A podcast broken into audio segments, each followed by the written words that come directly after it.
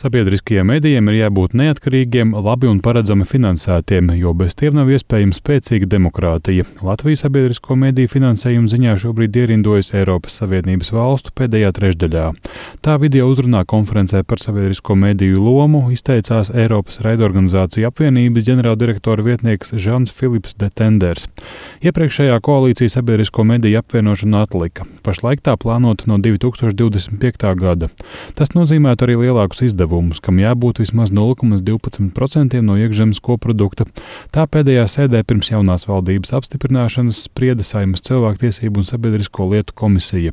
Turpina tās pārstāvis deputāts Augusts Brigmans no Zaļo un Zemnieku savienības. Manuprāt, ir valdībai no mūsu puses piedāvāts tiek finansējums sabiedriskām mēdījām. Cik es esmu informēts, arī viņš ir atradis dzirdīgu savus valdībā.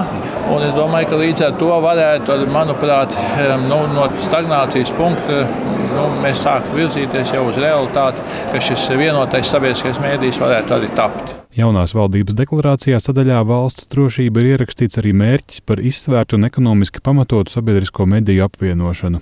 Finanšu ministrs Arvils Ašarādens no jaunās vienotības aicina vēl mērīt ieguvumus no sabiedrisko mediju apvienošanas un finansējuma palielināšanas. Ministrs iebilst saimnes komisijas aicinājumam sabiedriskos medijus finansēt ar konkrētu skaitli procentos no iekšzemes koprodukta. Valdība ir prerogatīva pieņemt lēmumu, kādā veidā sastādīt budžetu. Jo tāda metode mums ļautu visām institūcijām piešķirt 0,cik un tad mēs varam atlaist valdību, jo tad jau finansējums ir piešķirts. Ja? Jā, protams, ir budžeta sarunas, mēs lemjam, kāda ir vajadzīga resursa, un tad, protams, budžetā būs redzama. Iespējamība par palielinājumu ir. Nav? Protams, ka ir iespējamība. Nu, vienmēr mēs esam atvērti sarunām par šo. Ja Seplis spētu pieņemt kaut cik skaidru lēmumu, ko viņi taisītos darīt, būtu vēl vieglāk.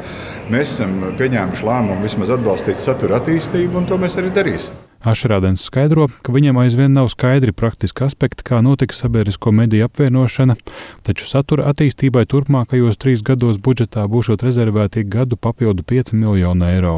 Skaidrību par sabiedrisko mediju apvienošanu apņēmusies viest arī par mediju politiku atbildīgā kultūras ministre Agnese Logina no progresīvajiem, kurai amatā rit pirmā nedēļa. Pirms gala lēmumiem par sabiedrisko mediju apvienošanu sabiedrisko elektronisko plašsaziņas līdzekļu padomas vadītājs Jānis Siksnis no Finanšu ministrijas ministrijas sagaida skaidrs norādes par gaidāmo finansējumu apjomu. Tajā brīdī, kad mēs saņemsim galīgo atbildi, es kā kapitāla daļu turētājs, protams, konsultējoties ar mēdījiem, lemsim, vai mēs joprojām uzturam spēkā uz to, ka ir jāiet uz apvienošanu. Jo tā būs liela izšķiršanās. Priekš digitālās attīstības apvienošana būtu vajadzīga jebkurā gadījumā, varētu teikt. Pēc Jāņa Strīkšņa teiktā, skaidrība sabiedrisko mediju apvienošanas jautājumā sagaidāma vēlākais oktobrī. Jānis Kincis, Latvijas Radio.